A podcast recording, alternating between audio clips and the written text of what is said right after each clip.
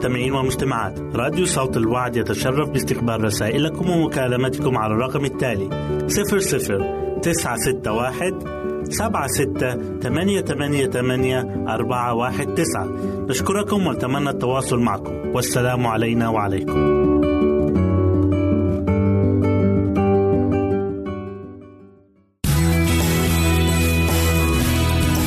استماع وتحميل برامجنا من موقعنا على الإنترنت www.awr.org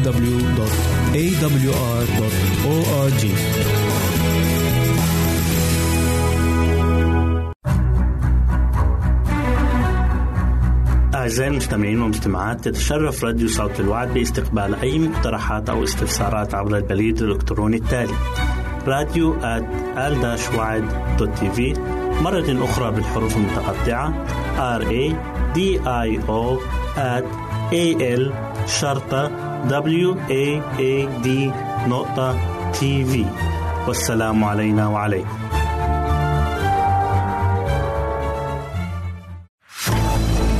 أعزائي المستمعين والمستمعات راديو صوت الوعد لا يكتفي بخدمتكم عبر الموجات الصوتية فقط بل وإنه يطرح لكم موقعا إلكترونيا يمكنكم من خلاله مشاهدة أجمل البرامج الدينية الثقافية الاجتماعية وغيرها من المواضيع الشيقة.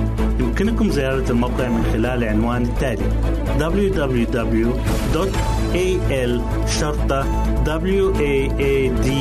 waad.tv مرة أخرى بالحروف المتقطعة www.al-waad.tv والسلام علينا وعليكم.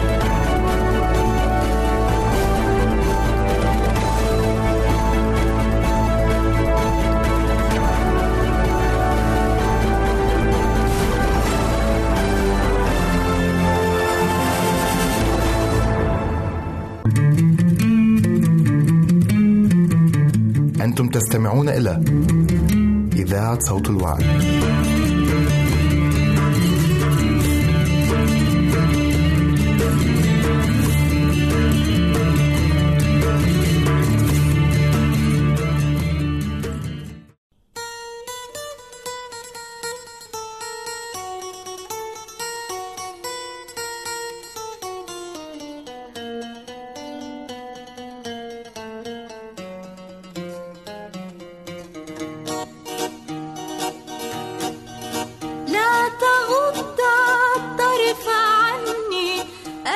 هل فعل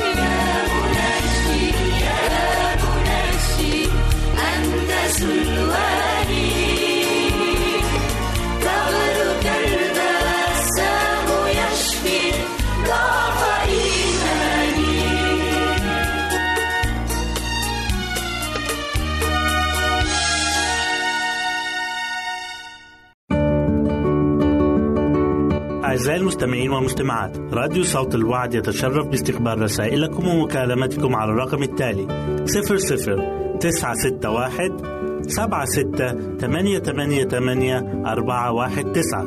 نشكركم ونتمنى التواصل معكم. والسلام علينا وعليكم.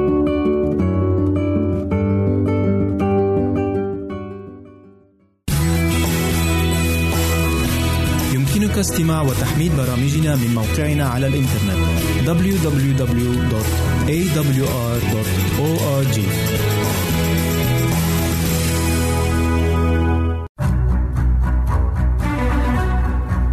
أعزائي المستمعين والمستمعات تتشرف راديو صوت الوعد باستقبال أي مقترحات أو استفسارات عبر البريد الإلكتروني التالي راديو في مرة أخرى بالحروف المتقطعة. R A D I O at A L شرطة W A A D نقطة تي في والسلام علينا وعليكم. الروح يشفع فينا ولكن الذي يفحص القلوب يعلم ما هو اهتمام الروح.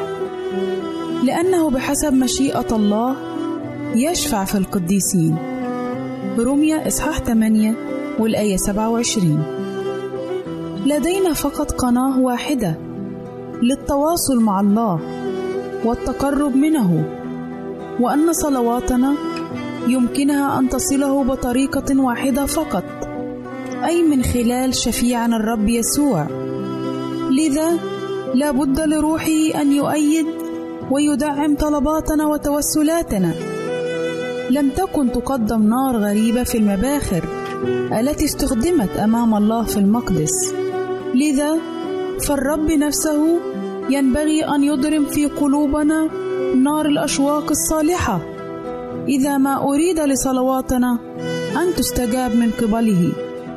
فالروح القدس الذي فينا ينبغي له أن يشفع فينا وذلك بأنات لا ينطق بها.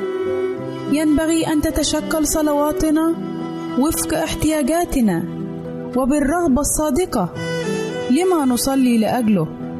وإلا فلن تستجاب الصلوات تلك ولكن ينبغي لنا ألا نقلق وألا نتوقف عن تقديم طلباتنا لكون الاستجابة لم تأتنا فورا وفي الحال. ومن أيام يوحنا المعمدان إلى الآن ملكوت الله يغصب والغاصبون يختطفونه. وكلمة يغصب هنا يقصد بها الشوق المقدس كما تجلى ذلك في اختبار يعقوب. ينبغي لنا عدم بذل جهد خاص للوصول إلى كمية من العواطف المتراكمة الضاغطة. ولكن بهدوء ومثابرة ينبغي لنا أن نقدم طلباتنا إلى عرش النعمة. عملنا هو أن نتواضع أمام الله معترفين بخطايانا وأن نقترب إلى الله بالإيمان. لقد استجاب الله صلاة دانيال. لا لكي يمجد دانيال نفسه بل لكي تعكس البركات التي نالها مجد الرب. إنها خطة الله أن يظهر نفسه في أعمال عنايته ونعمته. إن غاية صلواتنا هي تقديم كل المجد للرب. لا أن ننسب المجد لأنفسنا. وعندما نرى أنفسنا ضعفاء وبلا معين كما نحن حقيقة عندئذ ينبغي لنا التقدم إلى الله متضعين متوسلين. الجهل بالله والمسيح يقودان النفس إلى الكبرياء والبر الذاتي. إن الدليل الأكيد على أن الإنسان لا يعرف الله. يوجد في حقيقة أنه يشعر أنه صالح في ذاته أو عظيم. إن كبرياء القلب لتترفق دوما مع العوز الذاتي وفقر النفس المدقع. عندما تجلى مجد الله لدانيال صرخ قائلا لم تبقى في قوة. ونضارتي تحولت في إلى فساد. ولم أضبط قوة. في اللحظة التي يرى المتضع فيها الله كما هو حقيقة ستكون لديه عن نفسه الفكرة ذاتها التي كانت لدانيال. فالنفس لا ترتفع عندئذ إلى الغرور الباطل بل تحظى بلمحة عن عمق قداسة الله وعدالة مطالبه.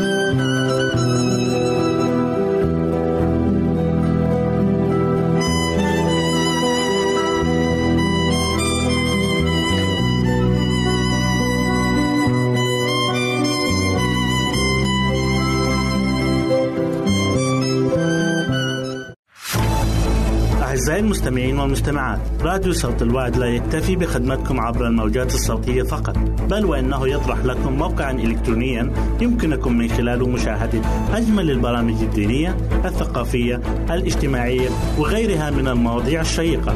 يمكنكم زيارة الموقع من خلال العنوان التالي www.al-waad.tv مرة أخرى بالحروف المتقطعة www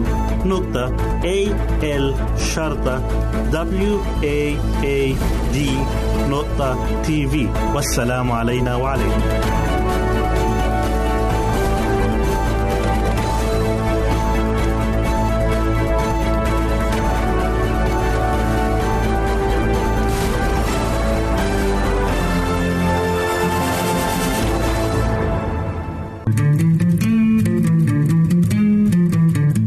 أنتم تستمعون إلى إذاعة صوت الوعد.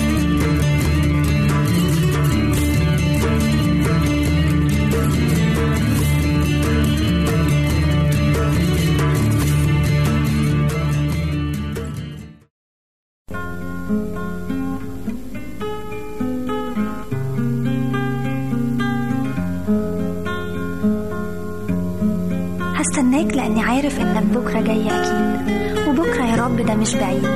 ولحد ما تيجي أنا هفضل أصلي. هصلي إن اسمك يعلى ويعلى. يعلى ويعلى في كل مكان. ومجدك يظهر فينا وتملى قلوبنا إيمان. هصلي إنك تيجي تشوف أولادك. تشوف إرادتك لينا من زمان. هصلي إنك تيجي تلاقي إيمان. رجاء محبة في كل إنسان. تسبيح وفرح غنى وهتاف بينطق بيه كل لسان. لفاتح حياتي ومخلصي كمان. وإن زادت الحرب عليا أنا هفضل أصلي. مش هنحني. مش هخاف لأني ابنك وانت أبويا بتديني الأمان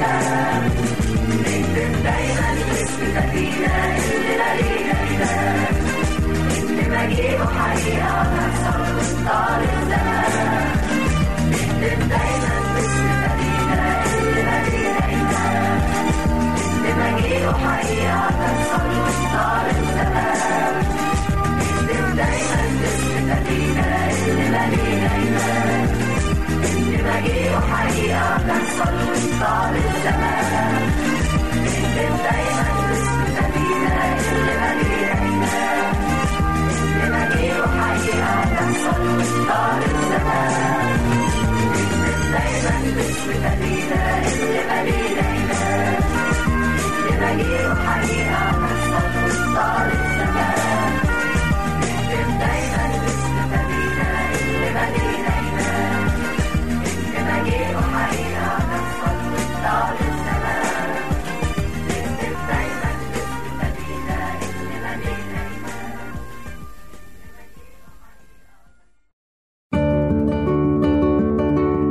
أعزائي المستمعين والمستمعات راديو صوت الوعد يتشرف باستقبال رسائلكم ومكالمتكم على الرقم التالي 00 961 سبعة ستة ثمانية ثمانية ثمانية أربعة واحد تسعة. نشكركم ونتمنى التواصل معكم. والسلام علينا وعليكم.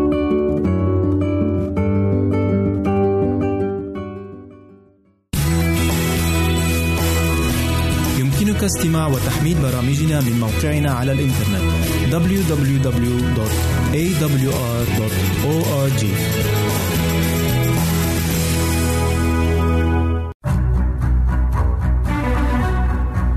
أعزائي المستمعين والمستمعات تتشرف راديو صوت الوعد باستقبال أي مقترحات أو استفسارات عبر البريد الإلكتروني التالي. راديو تي في مرة أخرى بالحروف المتقطعة R A D I O at A L شرطة W A A D نقطة تي في والسلام علينا وعليكم. أهلا وسهلا بكم مستمعاتي الكرام في كل مكان. يسعدني أن أقدم لكم برنامج نصائح للمرأة. وحلقة اليوم بعنوان أنشطة لأولادنا أثناء العطلة الصيفية. مع بداية الأجازة الصيفية يحتاج الوالدين إلى أفكار عملية لأنشطة يمارسها الأطفال خلال فترة الأجازة كأشياء يفعلوها بأنفسهم ويستفيدوا منها في حياتهم. لا يجب أن تكون كل الأنشطة خارج المنزل فهناك مجموعة من الألعاب والأنشطة التي تنمي الذكاء لدى الأطفال ويمكن ممارستها بالمنزل بمساعدة الأم. يمكن للأطفال الأكبر سنا استغلال الوقت في قراءة الكتب أو القصص والروايات كما يمكن للأم إشراك الأطفال في المهام المنزلية كي يتعلموا المشاركة وتحمل المسؤولية. كما يمكن أيضا تعلم بعض الوجبات المنزلية مثل الطهو وترتيب غرفهم وغسيل ملابسهم وغيرها من المهارات. يحب الأطفال المساعدة في الأعمال المنزلية خصوصا الفتيات لذا يمكن تكليفهم ببعض المهام البسيطة لتعويدهم على الاعتماد على النفس وتنمية روح التعاون لديهم. الأطفال يستمتعون بالمطبخ من حين لآخر تحت مراقبتنا فيقومون بتحضير وصفات بسيطة وسريعة باستخدام البيض والجبن والخضروات والفواكه مثلا. هذه الطريقة ناجحة جدا في حثهم على تناول وجبات صحية مع تنمية مهارات مختلفة لديهم. الأنشطة الرياضية. النشاط الرياضي من أهم النشاطات في العطلة الصيفية أو غيرها من الأوقات والتي يمكن البدء فيها منذ سن صغير وذلك لما لها من آثار إيجابية على صحة الأطفال وشخصياتهم. كما يجب على الوالدين اختيار الرياضة المناسبة لطفلهم بحسب ميوله. وهناك العديد من الخيارات من الألعاب الفردية أو الجماعية التي يمكن ممارستها مثل السباحة أو الجمباز أو الكاراتيه أو كرة القدم وغيرها الكثير من الرياضات. فإلى جانب المتعة والترفيه سيتمكن الجميع من استعادة النشاط والحيوية بعد سنة دراسية شاقة وطويلة. ويمكن عمل مسابقات في الجري والقفز بين الأطفال حتى يتعود طفلك على روح المنافسة والفوز والهزيمة. الأنشطة الاجتماعية. الأنشطة الاجتماعية مهمة لتطوير شخصية الطفل ونضجه ويجب أن يسمح الوالدان للأطفال بالقيام بهذه النشاطات بل والتشجيع عليها. ومن أمثلة الأنشطة الاجتماعية الرحلات والمخيمات والخدمات المجتمعية. كما يمكن أيضا للطفل التطوع في ملاجئ الأيتام أو دور المسنين أو الجمعيات الخيرية أو غيرها من جهات التطوع. وذلك لما لها من أثر إيجابي واضح على شخصية الطفل وشعوره بالآخرين. أيضا من الأنشطة الاجتماعية اصطحابه في زيارة الأهل والأقارب والجيران خاصة من لديهم أطفال في مثل عمره. الأنشطة الثقافية والفنية. لا يجب إهمال الجانب الثقافي خلال أجازة الصيف وذلك لتنمية مهارات الأطفال المعرفية. ومن أمثلة الأنشطة الثقافية زيارة المكتبات وحضور الندوات والدورات المفيدة. ومن أهم ما يجب استغلال الأجازة فيه هو تنمية الحس الفني والهوايات لدى الطفل مثل الرسم والأشغال اليدوية كالتريكو أو الكروشيه أو تنمية بعض المهارات الفنية مثل الرسم على الزجاج أو فن الأركيت أي الحفر على الخشب وغيرها الكثير من الأنشطة الفنية المتنوعة. ويمكن تخصيص مكان في المنزل ليكون ورشة متكاملة يحس فيها الطفل باستقلاله وأهمية ما ينجزه. وهنا يأتي دور الآباء في توفير لوازم الرسم والتشجيع والتعزيز الإيجابي للأولاد خلال فترة العطلة الصيفية. ومن الأفكار المفيدة في هذا الجانب إنشاء نادي كتاب الأسرة وفكرته هي أن يقرأ كل فرد في العائلة الكتاب نفسه. يمكن بعد ذلك التجمع لمناقشة الكتاب مما يجعل القراءة نشاطا اجتماعيا جذابا.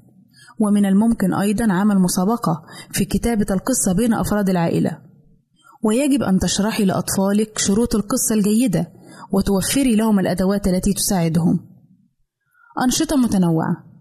هناك عدة أنشطة مفيدة والتي تنمي مشاعر وأحاسيس طفلك نحو تربية الأسماك أو الطيور وتغذيتها أو زراعة نباتات منزلية. يقوم برعايتها حتى تنمو وتكبر. لأن زراعة النباتات والأزهار وغرس شتلات الأشجار هذه الأنشطة مهمة جدا في تعريف الطفل بأهمية حماية البيئة والطبيعة إضافة إلى دورها في تنمية الجانب الحسي من شخصيته وإعداده للعمل التطوعي في المجال البيئي. وهناك أنشطة تعليمية نحو إجراء تجارب كيميائية لكن يجب أن تكون تجارب غير خطيرة ويمكن البحث عبر شبكة الإنترنت على نماذج لهذه التجارب كما يمكن عمل تجارب فيزيائية. العمل. يمكن للوالدين السماح للأبناء الأكبر سنا بالعمل خلال العطلات الصيفية. هذا الأمر له أثر إيجابي كبير في تطوير شخصية الابن وتحمله المسؤولية كما أنه يهيئه لمواجهة سوق العمل بعد إنهاء الدراسة. عندما يصر طفل صغير على محاولة تجربة شيء بنفسه يجب على الأهل أن يتحلوا بالصبر فطالما أن الطفل بعيد عن الخطر فلا ضرر أن يحاول عمل شيء جديد وصعب لأن هذا يساعد على تنمية قدراته الذهنية حتى ولو ترتب على ذلك بعض الفشل. وفي النهاية نصيحتي لكم أعزائي يجب أن نعلم أطفالنا منذ الصغر تقدير قيمة الوقت وعدم إهدار أوقات الفراغ واستغلال الأجازة الاستغلال الأمثل فهذا الأمر هو المفتاح لحياة ناجحة ومثمرة. إلى هنا نأتي عزيزاتي المستمعات إلى نهاية برنامجنا نصائح للمرأة. نسعد بتلقي آرائكم ومقترحاتكم وتعليقاتكم وإلى لقاء آخر على أمل أن نلتقي بكم. تقبلوا مني ومن أسرة البرنامج أرق وأطيب تحية. وسلام الله معكم. أعزائي المستمعين والمستمعات راديو صوت الوعد لا يكتفي بخدمتكم عبر الموجات الصوتية فقط بل وإنه يطرح لكم موقعا إلكترونيا يمكنكم من خلاله مشاهدة أجمل البرامج الدينية الثقافية الاجتماعية وغيرها من المواضيع الشيقة. يمكنكم زيارة الموقع من خلال العنوان التالي www.al-waad.tv مرة أخرى بالحروف المتقطعة. Www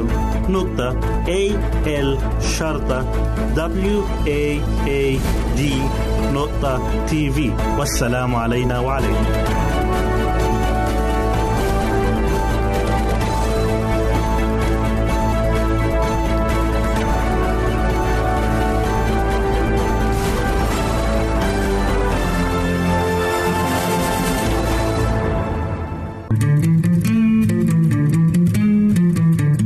أنتم تستمعون إلى إذاعة صوت الوعد.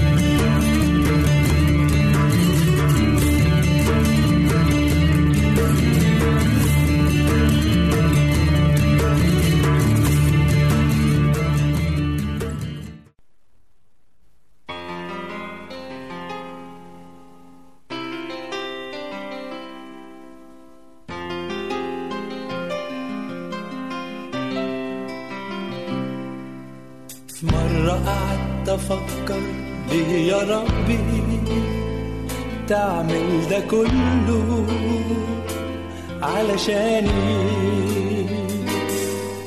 رضيت تيجي عندي في مجود حقير وتعيش فقير. ده كله ليه؟ في مرة قعدت أفكر ليه يا ربي تعمل ده كله علشاني؟ رضيت تيجي عندي في مذوة حقير وتعيش فقير. ده كله ليه؟ علشان بتحبني. مشيت للصليب.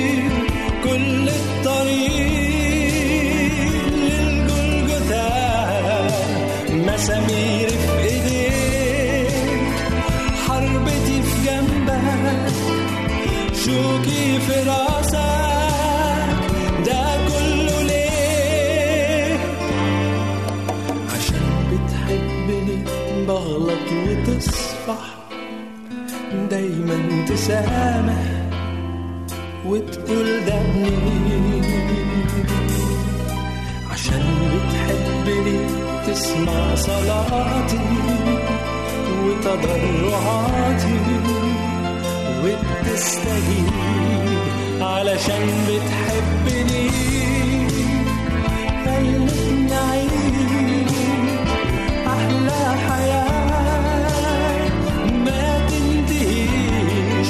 علشان بتحبني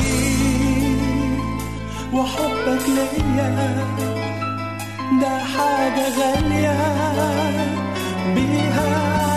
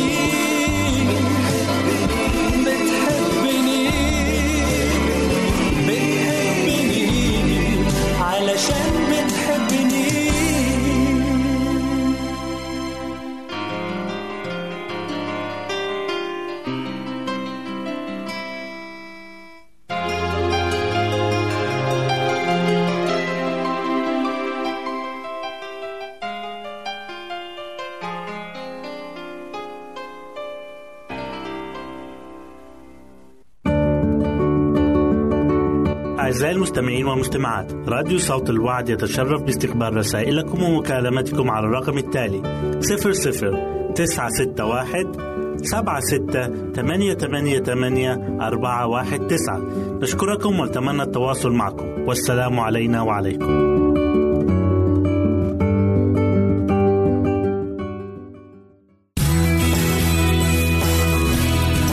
استماع وتحميل برامجنا من موقعنا على الإنترنت www.awr.org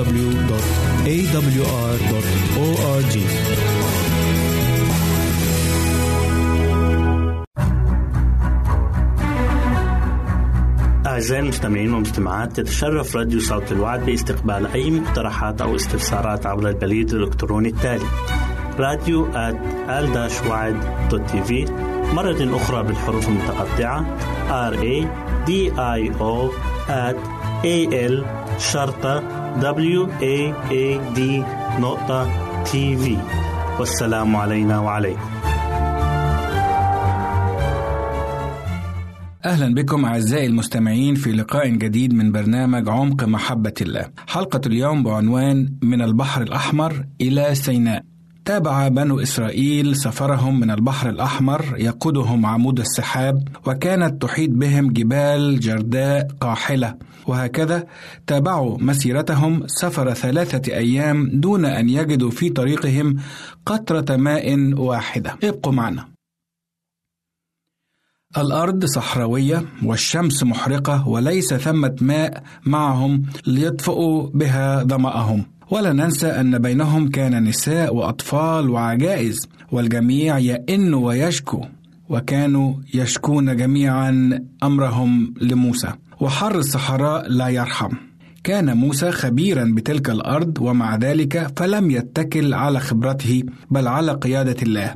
ما أحرانا نحن بدورنا أن نترك معرفتنا وخبرتنا جانبا ونتكل على الله في كل أمورنا. وعندما وصل الشعب إلى ماره سمع موسى بقلب حزين الناس يهتفون وجدنا ماء ها هو الماء! وتزاحم الرجال والنساء والأطفال حول تلك البئر ولكن تتغير الابتسامات والضحكات إلى تذمرات وعويل وبكاء.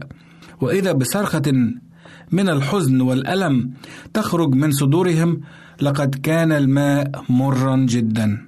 ومرة أخرى يلقي الشعب باللوم على موسى لأنه قادهم في تلك الطريق. لقد نسوا أن الله هو القائد الحقيقي وليس موسى.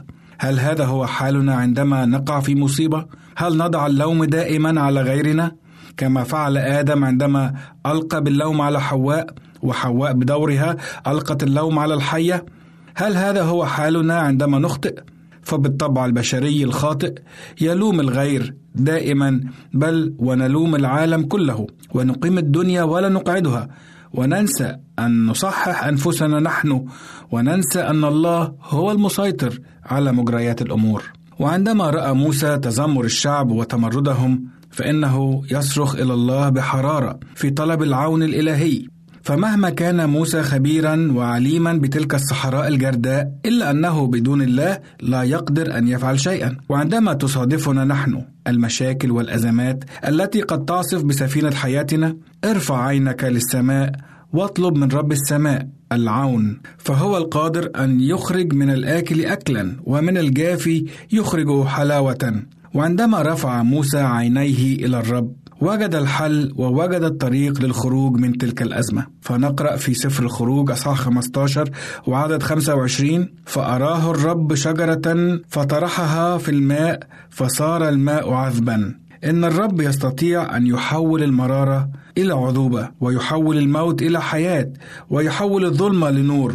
فلا يوجد شيء صعب أو مستحيل لدى الرب. فكما حول صليب المسيح الموت والهلاك لحياة وخلود هكذا حولت هذه الشجرة الصغيرة الماء المر إلى ماء عذب. فالصليب هو الحل لمعضلة الخطية والموت. فهل تقبل عمل الرب لأجلك؟ وفي هذا المكان أيضا جاء الوعد من الرب لشعبه يقول إن كنت تسمع لصوت الرب إلهك وتصنع الحق في عينيه وتصغي إلى وصاياه وتحفظ جميع فرائده فمرضا ما مما وضعته على المصريين لا أضع عليك. ما أجمل هذا الوعد من الله. فالله يريدنا أن نكون مباركين وسعداء وناجحين ومثمرين في الحياة. وكل هذا سيحدث إن نحن سلكنا بحسب وصايا الرب التي هي طريق الحياة.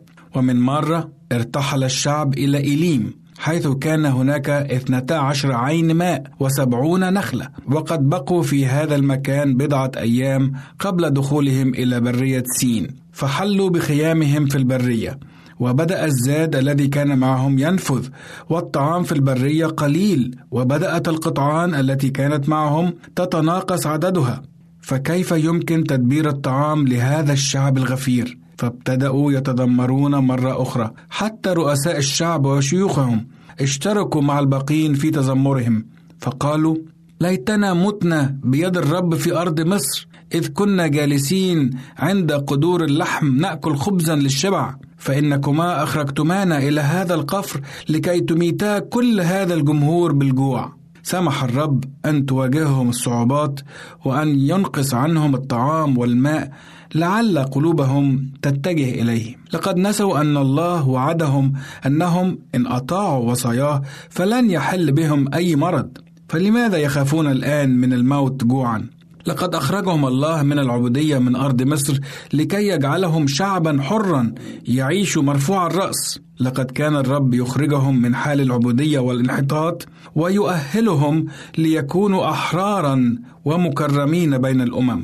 ولكنهم أبوا أن يثقوا بالرب إلا إذا كانوا يرون أدلة مستمرة دائما على قدرته. لقد نسوا عبوديتهم المريرة في أرض مصر ونسوا قدرة الله التي أنقذتهم من العبودية ونسوا أيضا كيف حفظ أبكارهم. نسوا كيف شق البحر وأنقذهم ونسوا كيف عبروا البحر الأحمر. إن تاريخ تعامل الله مع شعبه في تلك الأيام كتب لتعليمنا نحن الذين انتهت إلينا أواخر الدهر بينما نحن سائرون في الطريق إلى أرض الموعد السماوية فهل نتعلم الدرس ونشكر الرب في كل حين؟ هل نشكر الرب حتى وإن عصفت بنا التجارب والمصائب والنكبات؟ نعم فلنشكر الرب على كل شيء لأننا نثق أن الله محبة وأنه يفعل كل شيء للخير للذين يحبونه. نشكركم أعزائي المستمعين والمستمعات لحسن استماعكم إلى برنامج عمق محبة الله. نترككم في رعاية الله وحلقة جديدة الأسبوع القادم وسلام الرب معكم ويحفظكم. أعزائي المستمعين والمستمعات راديو صوت الوعد لا يكتفي بخدمتكم عبر الموجات الصوتية فقط بل وإنه يطرح لكم موقعا إلكترونيا يمكنكم من خلاله مشاهدة أجمل البرامج الدينية الثقافية الاجتماعية وغيرها من المواضيع الشيقة. يمكنكم زيارة الموقع من خلال العنوان التالي www.al-waad.tv مرة أخرى بالحروف المتقطعة. Www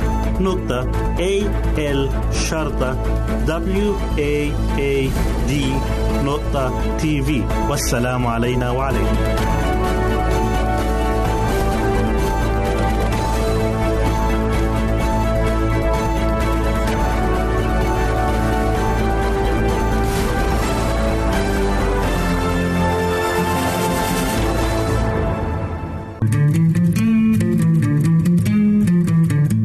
تستمعون إلى إذاعة صوت الوعي.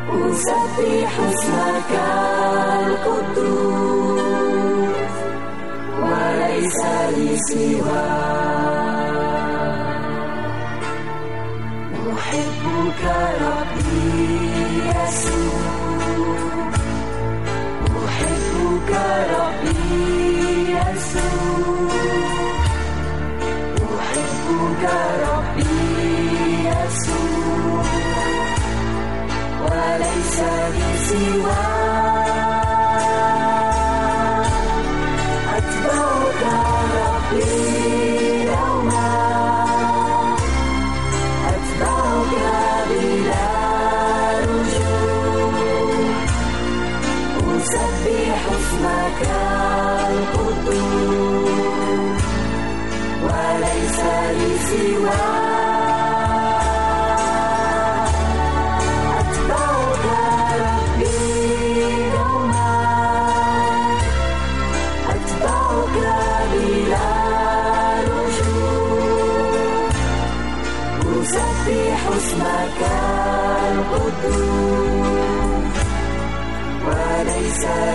you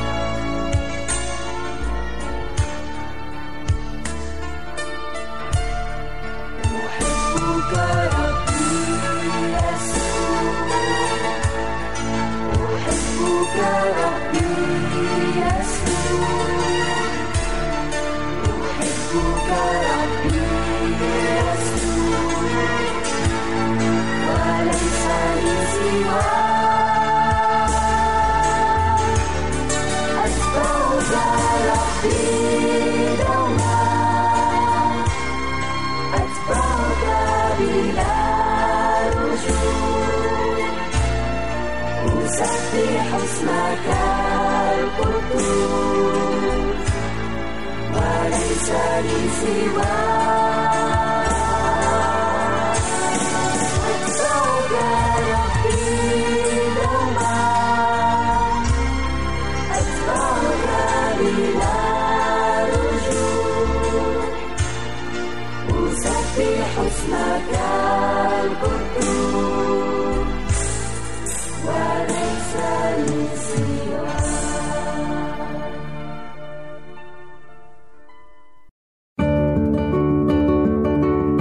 أعزائي المستمعين والمستمعات راديو صوت الوعد يتشرف باستقبال رسائلكم ومكالمتكم على الرقم التالي 00 961 سبعة ستة ثمانية ثمانية ثمانية أربعة واحد تسعة.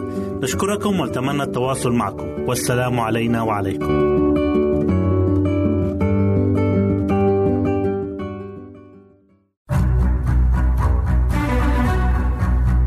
أعزائي المستمعين والمستمعات تتشرف راديو صوت الوعد باستقبال أي مقترحات أو استفسارات عبر البريد الإلكتروني التالي راديو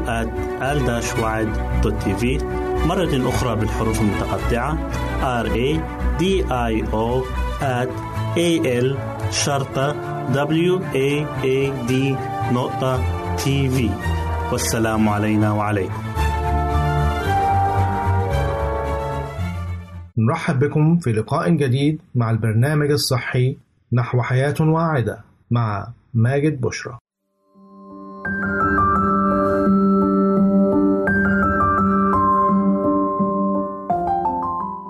فوائد العرقسوس المدهشة وآثاره الجانبية معلومات غذائية عن العرقسوس يحتوي العرقسوس على عناصر غذائية متنوعة وكثيرة ومنها فيتامينات مثل فيتامين B1 B2 B3 B5 فيتامين H كما أنه غني بمعادن مثل الفوسفور الكالسيوم الحديد المغنيسيوم البوتاسيوم السيلينيوم والزنك.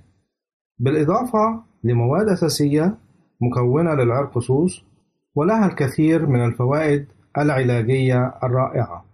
فوائد العرقسوس حماية الكبد. أثبتت الدراسات أن العرقسوس له قدرة على حماية خلايا الكبد من الأمراض فهو يحتوي على مادة جليسريزين التي تساعد الكبد على أداء وظائفه وتخليص الجسم من السموم. كما أن به مواد مضادة للأكسدة تحمي خلايا الكبد من الضرر والتلف. اضطرابات المعدة. يقضي العرقسوس على البكتيريا المسببة لقرحة المعدة كما أنه يساعد على تحسين عملية الهضم وعلاج اضطرابات المعدة. التهاب المفاصل والروماتيزم. يستخدم العرقسوس كمضاد للالتهابات وقد أثبتت الدراسات فوائده في علاج التهابات المفاصل كما أنه أيضا يقلل من المواد المسببة للآلام بالجسم. أعراض سن اليأس. يحتوي العرقسوس على مواد لها تأثير مشابه للهرمونات لذا يستخدم في علاج أعراض سن اليأس وأيضا أعراض ما قبل الدورة الشهرية. وهو يعمل على اتزان نسبة الهرمونات المضطربة كما أنه يزيد من هرمون البروجسترون في النساء والذي بدوره يقلل من التقلصات وآلام الدورة الشهرية وينظم نسبة هرمون الأستروجين وبالتالي فهو علاج فعال لمشاكل العقم والخصوبة لدى النساء. السرطان. طبقا لدراسات علمية فإن العرقسوس يمنع انتشار الخلايا السرطانية وانقسامها وبالتالي يساعد في علاج أنواع مختلفة من السرطان كسرطان الثدي، القولون والبروستاتا. تقوية المناعة. من فوائد العرقسوس أنه يساعد على تقوية المناعة حيث يحفز من نشاط الخلايا المناعية وإفرازها للمواد التي تحمي الجسم من البكتيريا والفيروسات والعدوى. داء السل وجدت الدراسات أن من فوائد العرقسوس أنه يسرع من عملية الشفاء من داء السل الذي يصيب الجهاز التنفسي وذلك لما يحتويه العرقسوس من مواد مضادة للبكتيريا والميكروبات التي تسبب في الإصابة بالسل. مضاد للعدوى كما ذكرنا فإن العرقسوس غني بمواد مضادة للميكروبات بأنواعها من بكتيريا وفيروسات وفطريات والحماية من الكثير من الأمراض التي تحدث بسبب العدوى. تصلب الشرايين. يعمل العرقسوس كمضاد للأكسدة حيث أنه يساعد على تقليل الكوليسترول والدهون الضارة بالدم. التي تسبب في تصلب الشرايين وأمراض القلب. أمراض الجهاز التنفسي لا تقتصر فوائد العرقسوس على علاج داء السل فقط ولكنه أيضا يساعد على علاج أمراض الجهاز التنفسي مثل أعراض البرد والإنفلونزا السعال التهاب الشعب الهوائية والتهاب الحلق فالعرقسوس رائع كمذيب وطارد للبلغم وموسع للشعب الهوائية علاج الإمساك. من أهم فوائد العرقسوس أنه يستخدم كملين لأنه يساعد الجسم على التخلص من السموم والمواد الضارة. الجلد والبشرة. العرقسوس علاج هائل لأمراض الجلد مثل الإكزيما والصدفية وكل الأعراض المؤلمة من التهابات وتورمات ليس ذلك فقط بل يعمل على تفتيح البشرة والحماية من أشعة الشمس الضارة العناية بالأسنان. أثبت العرقسوس فعاليته في العلاج والوقاية من تسوس الأسنان. والتهاب اللثة. لذا يستخدم العرقسوس في الكثير من منتجات العناية بالأسنان مثل معجون الأسنان وغسول الفم. فوائد العرقسوس الأخرى. علاج السمنة. العناية بالشعر وتغذيته. تقوية الأعصاب والمخ وزيادة التركيز والقدرات الذهنية. الآثار الجانبية للعرقسوس. هناك حالات معينة يجب الانتباه وعدم تناول العرقسوس بها لأن له بعض الآثار الجانبية ومنها ارتفاع ضغط الدم. ينصح مرضى ضغط الدم المرتفع بعدم تناول العرقسوس لأنه يعمل على زيادة ارتفاع ضغط الدم وقد يؤدي ذلك لمضاعفات خطيرة. اضطرابات الهرمونات يعمل العرقسوس على زيادة بعض هرمونات الجسم لذا يجب استشارة الطبيب قبل تناوله في حالات اضطرابات الهرمونات. الحمل والرضاعة ينصح بتجنب العرقسوس أثناء الحمل والرضاعة لأن الإفراط في تناوله قد يؤدي لولادة مبكرة أو الإجهاض. وبهذا نأتي إلى ختام حلقتنا. نرجو أن تكونوا قد استمتعتم بها. حتى نلقاكم في حلقة أخرى. لكم مني أفضل الأمنيات نرجو التواصل معنا عبر هذه العناوين. للتشات www.al-waad.tv وللرسائل radio at al-waad.tv والاتصال عبر الواتساب 961 76 888 419 961 76 888 419